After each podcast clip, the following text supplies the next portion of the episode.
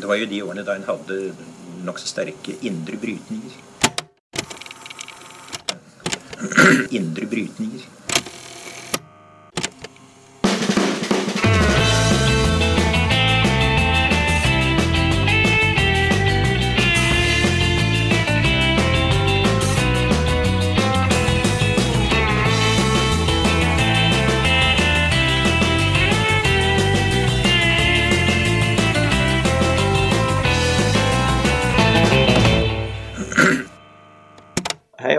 Til Noen har snakket sammen. Mitt navn er Aksel Fjellavli. Og jeg heter Tiril Halvorsen. I eh, denne episoden her så skal vi eh, fortsette å fordype oss eh, litt i de alvorlige krisene vi står midt oppi. I forrige episode så så vi jo på litt om konsekvenser for norsk økonomi. Og den episoden her så skal vi rette blikket litt utover eh, mot eh, Europa. Mm. Det går jo like dårlig der. Ja, det gjør jo fort det. Eh, og vi har fått med oss europakommentator i Financial Times, eh, Martin Sandbu, til å hjelpe til med å få hodet litt rundt eh, hvordan krisa det er eh, som foregår i, i eh, våre nærmeste naboland eh, og i EU.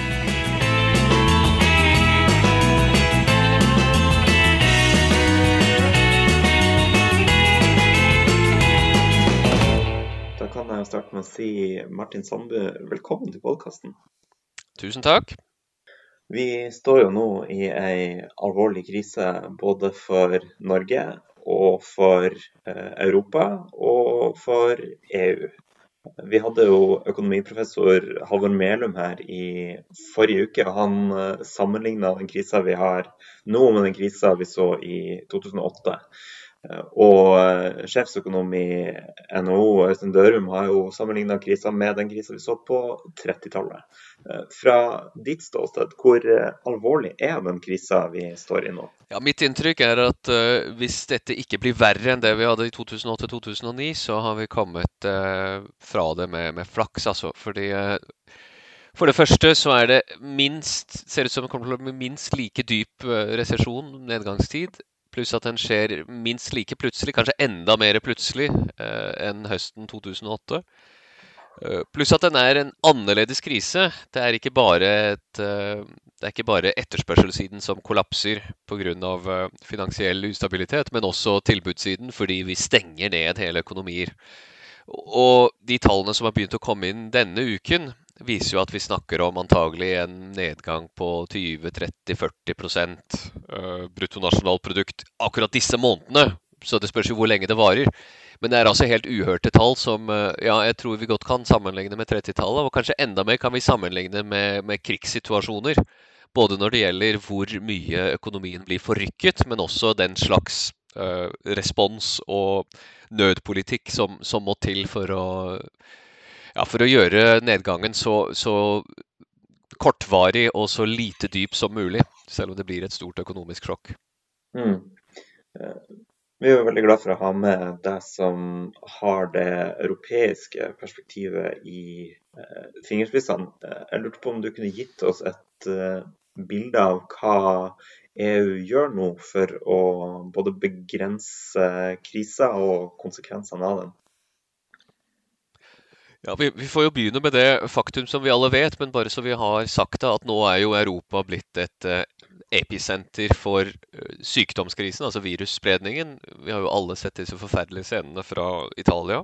Vi begynner nå å få det samme, har allerede fått det samme i Spania. Både Italia og Spania har jo nå hatt flere dødsfall enn Kina. Så la oss bare begynne med det at Europa er nå der hvor sykdomsspredningen og belastningen på helsevesenet er eh, mest akutt. Eh, Og det er bare et spørsmål om kort tid før resten av Europa ser mer eller mindre det samme som vi har sett i, i Italia og Spania. Så det er liksom bakgrunnen.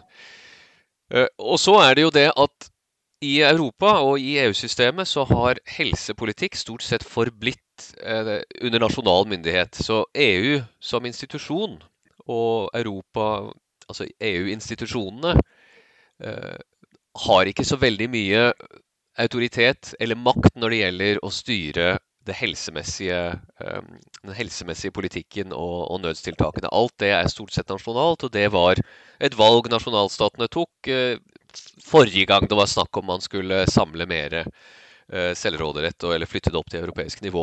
Så Sånn sett så kommer EU som, som organisasjon inn i dette med ganske få med, med, lite utstyr, få verktøy. Uh, I tillegg så har de vært litt, litt trege til å bruke det de, det de, kan gjøre. Først og fremst så har jo Kommisjonen og Det europeiske råd, og presidentskapet der, presidenten Charles Michel, de har jo en viss myk makt um, som ligger i det å koordinere, samordne, sette agendaen. Uh, den brukte de litt tid til å komme i gang med. Uh, men de har fått det litt bedre til. Altså det de har gjort, er å flytte noen midler fra EU-budsjettet uh, over mot uh, helsetiltak, altså akutt helsetiltak for å hjelpe med på krisen. De har lettet på en del regler som vanligvis i normale tider skal hindre at nasjonalstater favoriserer sine egne firmaer. Men det er jo ikke det vi trenger nå. Nå må man hjelpe alt det man kan. Så de har lettet på konkurranseregler og den slags ting for å gjøre det lett for nasjonale myndigheter å, å trå til. Og så har de naturligvis tatt bort disse reglene som begrenser hvor store budsjettunderskuddene skal være. Så alt det har de gjort litt sånn på etterskudd, men de har i hvert fall gjort det. Uh, Spørsmålet blir vel egentlig om de kunne gjort mer for å koordinere og få de nasjonale lederne til å samordne seg og prøve å ha en litt mer felles respons. Og svaret på det er vel dessverre at de ikke har gjort de har ikke gjort så mye som man kunne håpet, så vi har fått en rekke nasjonale tiltak uten noe særlig koordinering. Og det ser vi kanskje først og fremst på, på, på grensestengningene. Innenfor Schengen-området så er det jo regler for når man kan stenge grensen. Det er ikke sånn man aldri kan gjøre det. Man kan innføre grensekontroller i, i slike tilfeller, men det skal jo helst være koordinert. Og det at man ikke har gjort det, har jo ført til eh, opphopning og lange køer f.eks. av lastebiler på den tysk-polske grensen. og Alt det fører jo både til mer smittespredning, og for så vidt forsinker det man kan gjøre for at økonomien skal gå så godt som mulig. Så kommer vi til det, det siste og kanskje største spørsmålet hvor EU har en del det skulle ha sagt, som er den økonomiske responsen. Eh, den ene europeiske institusjonen som virkelig har eh, makt til å gjøre ting, er jo Den europeiske sentralbanken. Og etter å ha snublet litt til å begynne med, så har de nå kommet til med alt de har. Så de eh, har jo forpliktet seg nå til å gripe inn i finansmarkedene for å sikre at vi ikke får en tilsvarende gjeldskrise som vi hadde i 2010-2012 i eurosonen. Og, og, det har vært noe folk har fryktet, fordi Italia har jo vært rammet hardest. Og Italia er også det, det landet i eurosonen som har nest høyest statsgjeld etter Hellas. Og det har også vært et spørsmål om Italia faktisk kan låne de pengene som skal til for å, ja, for å ta, sette inn de rette økonomiske tiltakene, eller om de gjør det, om vi da får en ny gjeldskrise. Eh, det var en stund et spørsmål om Den europeiske sentralbanken ville passe på at eh, du ikke fikk en, eh, noe panikk i finansmarkedene. Der har de nå litt forsinket, men nå trådt til for fullt. Så de gjør jobben sin. Spørsmålet er mer om, det, om finansministrene i eurosonen nå kan bli enige om å ha en, et, et forent, et harmonisert, en harmonisert tilnærming. Sånn at det ikke er noen land som bruker mindre enn de må uh, over skatte over, over, budsjettene for å hjelpe på dette. her. Og der er det fortsatt ganske store spørsmålstegn. For her er det jo på en måte to armer. Det er pengepolitikken og finanspolitikken. Og du, du, du sier at uh, Den europeiske sentralbanken uh, nå griper inn i finansmarkedene. Hva er, de, hva er, det de, gjør, og hva er på en måte rollen til sentralbanken nå? Det er først og fremst euroen da de går inn i. Ja, det er, det, det er kanskje to skal vi si, to ting i hovedsak. Eh, det ene som jeg begynte å komme inn på først, det ene er å gå inn i finansmarkedene og kjøpe statsobligasjoner. De har nå lovet eh, at de eh, har satt til side, altså, eller de har sagt vi skal nå ha et nytt program med 750 milliarder euro som vi skal bruke på å kjøpe statsobligasjoner hvis vi ser uh, uro i finansmarkedene. Det, altså det, betyr rett og slett hvis det plutselig blir dyrere og dyrere for enten Italia eller andre stater å låne, sånn som vi så i 2011-2012 fordi markedene er urolige og ikke vil låne penger til disse regjeringene, da kommer eh, den europeiske sentralbanken inn med ja, opptil 750 milliarder euro, har de foreløpig sagt. Men vi vet at dette i praksis er et signal om eh, det som Mario Draghi kalte 'whatever it takes'. Mm. Det, som måtte, det som skal til for å stabilisere det. Så det, det er den ene tingen du ser i pengepolitikken. Det andre er at de har utvidet og lagt inn mer penger i disse programmene som skal hjelpe banker med å låne til vanlige firmaer og husholdninger. Så de har utvidet og lagt mer penger inn i et program som gir veldig billige lån, faktisk med negativ rente, til bankene, private banker rundt omkring i eurosonen, på betingelse av at de ikke reduserer sine egne lån. Mm. Så, så, her er det veldig sterke insentiver som sentralbanken har satt inn for at uh, de private bankene nå ikke skal gjøre det vanskeligere for firmaer som sliter, mm. uh, å få den kreditten de trenger for å komme seg gjennom krisen. For Formålet her er å få mest mulig penger, likvide midler, ut i økonomien, som nå står ganske stille. Og så sa du refererte til det Mario Draghi sa, at 'whatever it takes'. Men er, finnes det ingen grense for hvor mye penger man kan sprøyte inn i økonomien i en situasjon som dette her? For, for å, la, la, oss begynne med hva som skjer på den realøkonomiske siden. Altså Hva er det firmaer og, og, bedrifter trenger? De trenger for det første likviditet, som du sier. Uh, altså de, uh, de, kan forhåpentligvis se at det er lys i enden av tunnelen om et par måneder. Kanskje blir det bedre, men de har utgifter nå. De har kanskje lån de må betale nå og betjene nå.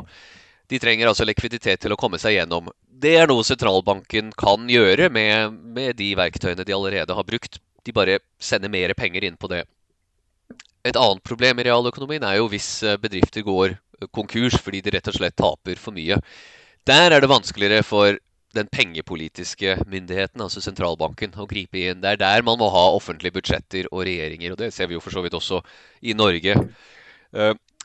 Eh, men du spurte om det er noen grenser for hvor mye penger uh, sentralbanken kan pumpe inn.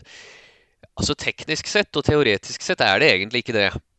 Uh, det er politiske begrensninger, fordi det er alltid altså, En sentralbank som bare trykker uh, penger uten kontroll, er noe i vanlige tider man er ganske urolig for. Det skal man helst begrense, for det fører til ukontrollert inflasjon. Det er ikke noe som, som noen er bekymret for nå. Nei. Eh, men sentralbanken kan ikke hjelpe bedriftene som faktisk ikke har råd til å fortsette. De kan hjelpe dem med likviditet. Men et firma som ikke vil låne fordi de ikke ser noen mulighet til å betale tilbake lånene, da er det mye verre Mm. for sentralbanken å hjelpe til. Selv da kan man gå så radikalt til verks som at sentralbanken rett og slett kan trykke opp penger og enten gi til regjeringer eller på en eller annen måte få ut i, eh, i, i markedet eller i, i, realøkonomien. Det som heter helikopterpenger. Det er en sånn teoretisk Mm. mulighet som egentlig noen, ingen noen gang har brukt. Men så alvorlig er situasjonen at vi ser nå at folk snakker seriøst om, om dette som en mulighet. Mm. Så svaret er vel at nei, det er ikke noen grense for hvor mye sentralbanken kan gjøre.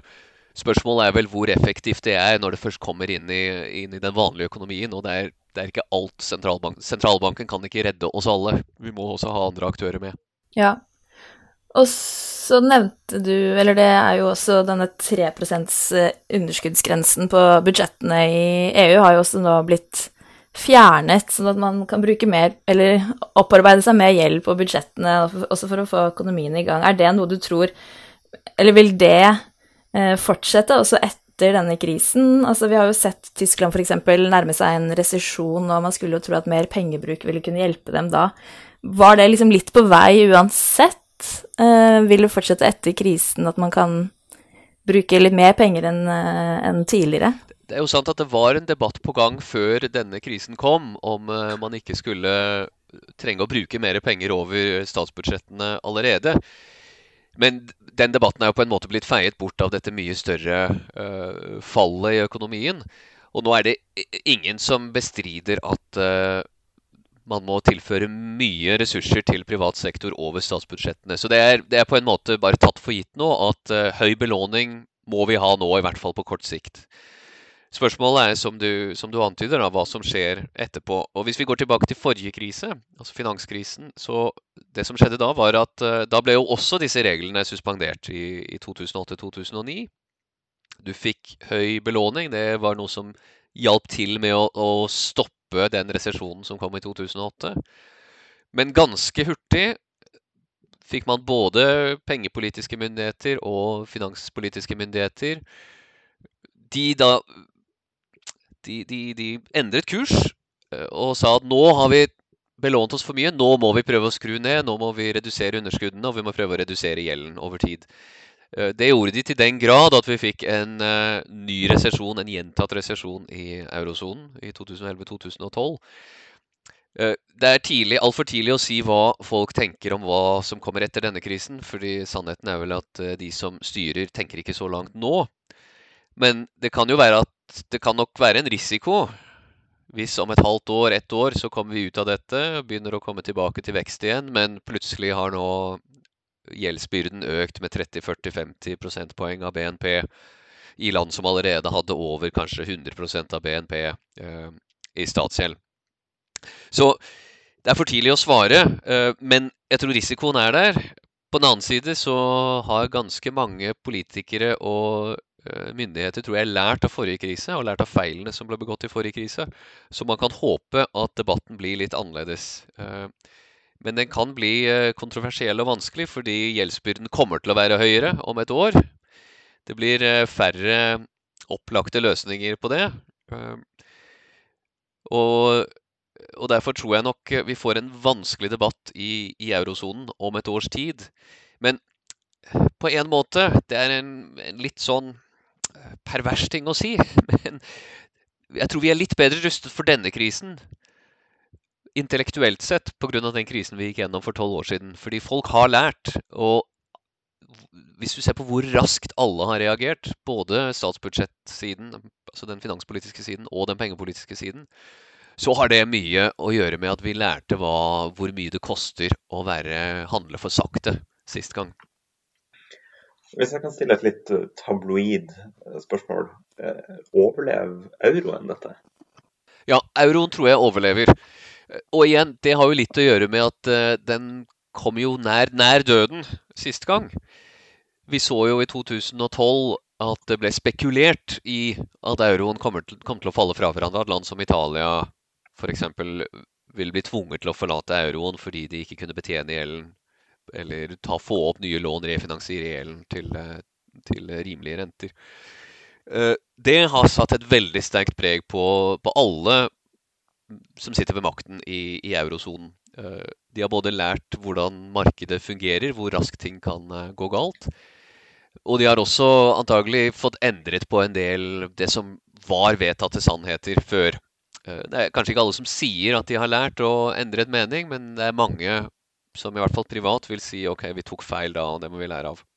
Så det, det at vi har sett nå at sentralbanken litt grann tregt, men likevel ikke så veldig tregt, har kommet inn og sagt 'whatever it takes' står der fortsatt. Vi er fullt ut uh, Vi står bak euroen og euroens integritet. Uh, jeg tror nå, jeg ser nå både analytikere og uh, atferden i markedet tyder på at folk kjøper det. Folk ser ok, de kommer til å stå bak euroen. Det blir ikke noen sånn oppsplitting. Det er klart, det er en annen sak om politisk sett et land skulle, tro, skulle tenke at vi er ikke tjent med å være i euroen.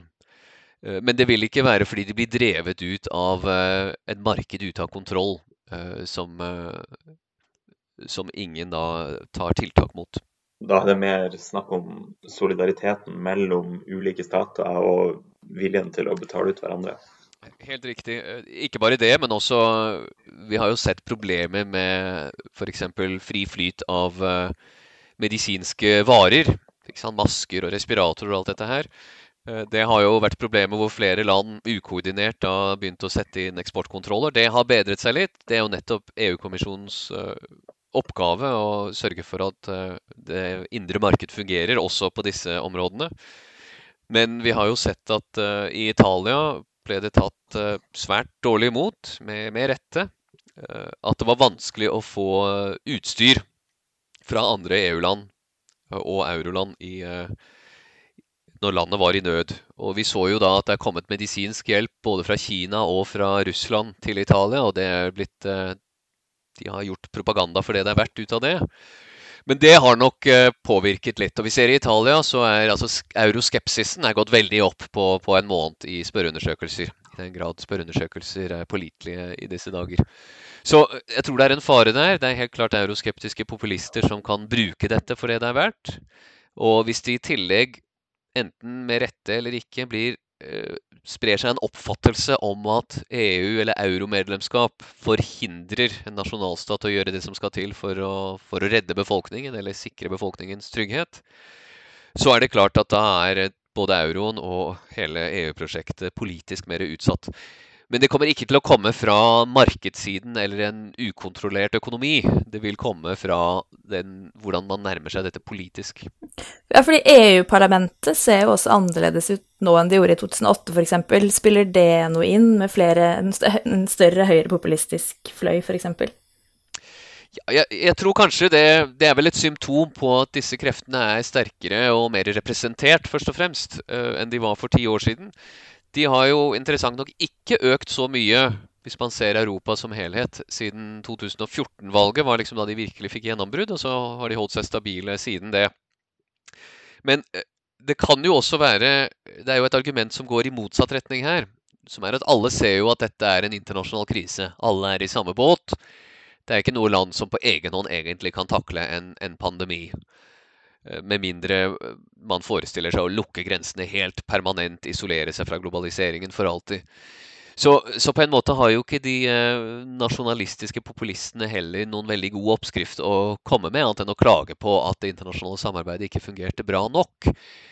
Så mye avhenger egentlig av både hvordan EU, EU som system, men også nasjonale ledere innenfor den arenaen EU er hvordan de nå forvalter sitt ansvar i tiden fremover, og hvilken historiefortelling som liksom setter seg som, som det inntrykket som, eh, som, blir igjen. Og hvis det inntrykket er at til tross for at det er vanskelig, så er vi i samme båt, og vi uh, har klart å samarbeide mer eller mindre, uh, da kan det jo godt være at de, de splittende kreftene egentlig ikke kommer styrket ut av dette her. Det er jo for tidlig å si. Eh, men det står veldig mye på spill, det kan vi jo si. Et uh, siste spørsmål. Det drar jo litt i to ulike retninger her når det kommer til EU-integrasjon. Altså På den ene sida så uh, er det jo ganske tydelig at det kan være mer behov for mer samarbeid på deler av helseområdet, samtidig som det er ordentlig strekk i laget når det kommer til solidariteten innenfor eurosonen. Hvis du skal spå, tror du det blir mer eller mindre EU-integrasjon som kommer ut av dette? Ja, um, altså hvis man skal spå om det, så må vi også prøve å spå om hva som kommer til å skje både på helseområdet og det økonomiske området i månedene fremover. Um, altså jeg, jeg, frykter at det er Vi har jo ikke sett det verste. Uh, Italia ble truffet først, og så Spania. Og vi vet ikke hvor ille krisen kommer til å være rent helsemessig, altså når det gjelder antall døde og antall syke i andre land. Og jeg ser ikke noen grunn til å tro at de nordiske landene, altså de Tyskland, Nederland, Østerrike og Norden, at de nødvendigvis skulle ha noen lettere krise enn landene i sør. Så hvis det er sant, at det blir like ille, eller kanskje til og med verre i noen av de landene, så kommer de ikke til å falle ned langs samme splittelse eller samme linje som eh, den forrige krisen, som var liksom nord mot sør. Så, så sånn sett kan det være at ting, kortene blir litt mer blandet. Uh, og det andre er jo at uh, den, det er mange flere som kommer til å bli påvirket av den økonomiske krisen enn av selve viruset. Selv om det blir titusentalls dødsfall i Europa. vi får håpe det blir så få som mulig. Men vi vet at mange millioner allerede uh, mister jobben, kommer til å bli veldig påvirket økonomisk.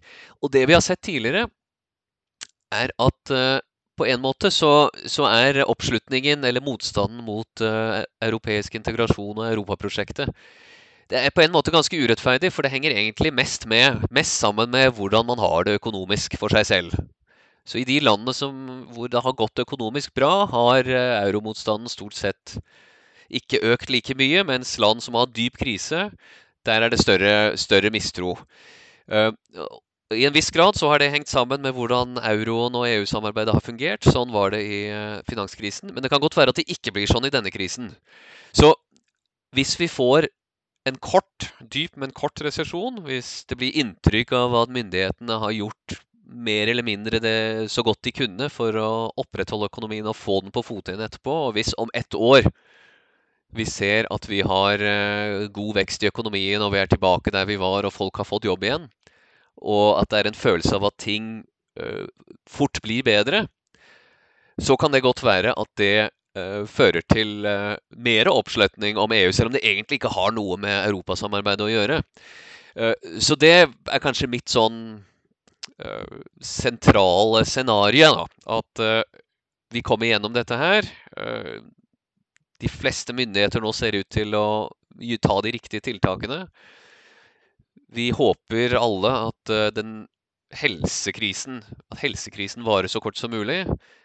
Og da kan det godt være at de økonomiske tiltakene som tas nå, de kommer til å kaste av seg i eh, ganske rask eh, At økonomien kommer raskt på fote igjen, og at økonomisk sett kommer ganske mange til å føle at nå er det brukbare tider om et år, halvannet års tid.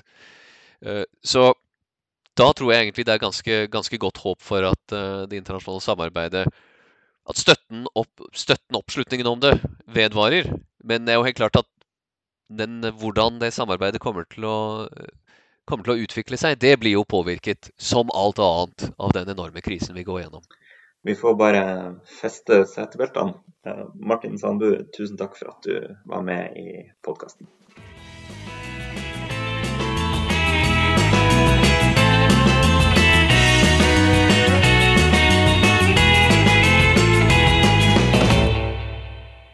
Da var vi kommet til slutten av denne episoden også. Eh, og vi bruker jo alltid å komme med en anbefaling på slutten av hver episode. Så da lurer jeg på, har du en eh, anbefaling denne uka her, Tiril? Mm, ja, altså vi snakker jo her om eh, økonomisk eh, krise og mange som mister jobben og inntekten sin, og det trenger jo ikke være sånn at vi ikke kan gjøre noe her vi sitter hjemme. Jeg har f.eks. tegna abonnement på noen e-abonnementer da, på noen aviser, for eh, mediene sliter jo også med bortfall av annonser osv. Så, videre. så det, det er én ting man kan gjøre da, for å støtte litt opp om økonomien, mm. der man sitter eh, litt stuck eh, hjemme. Lokalaviser, lokalbutikken. Ja, det er mange restauranter som eh, kanskje ikke serverer ved bordet, men som serverer hjem, så det er også en god mm. anledning mm. til å flotte seg litt. Hva med deg? Ja, jeg tenkte jo siden vi hadde Martin Sandbu på podkasten denne uka her, så kunne jeg jo tipse om at han kommer med ei ny bok snart, som heter The Economics of Belonging. A radical plan to win back the left behind and achieve prosperity for all. Så den eh, er det jo mulig å sjekke ut, eh, selv om ja. den ikke altså det har kommet ut riktig ennå. Ja. Det blir kanskje flere left behinds etter denne krisen som må reddes. Ja, det blir fort det. Ja. Uh, ja, det er ikke så greit. Nei. og vi får bare beklage hvis uh, lyden er litt sånn halvveis. Uh, vi jobber med saken, men dårlig internettforbindelse f.eks. er det vanskelig å gjøre noe med. Men bear with us. Altså... Ja, vi eksperimenterer jo stadig med nye løsninger for å få til litt bedre lyd her vi sitter på forskjellige steder. Men vi fortsetter så lenge vi får det til, og så håper vi at dere har det bra der hjemme.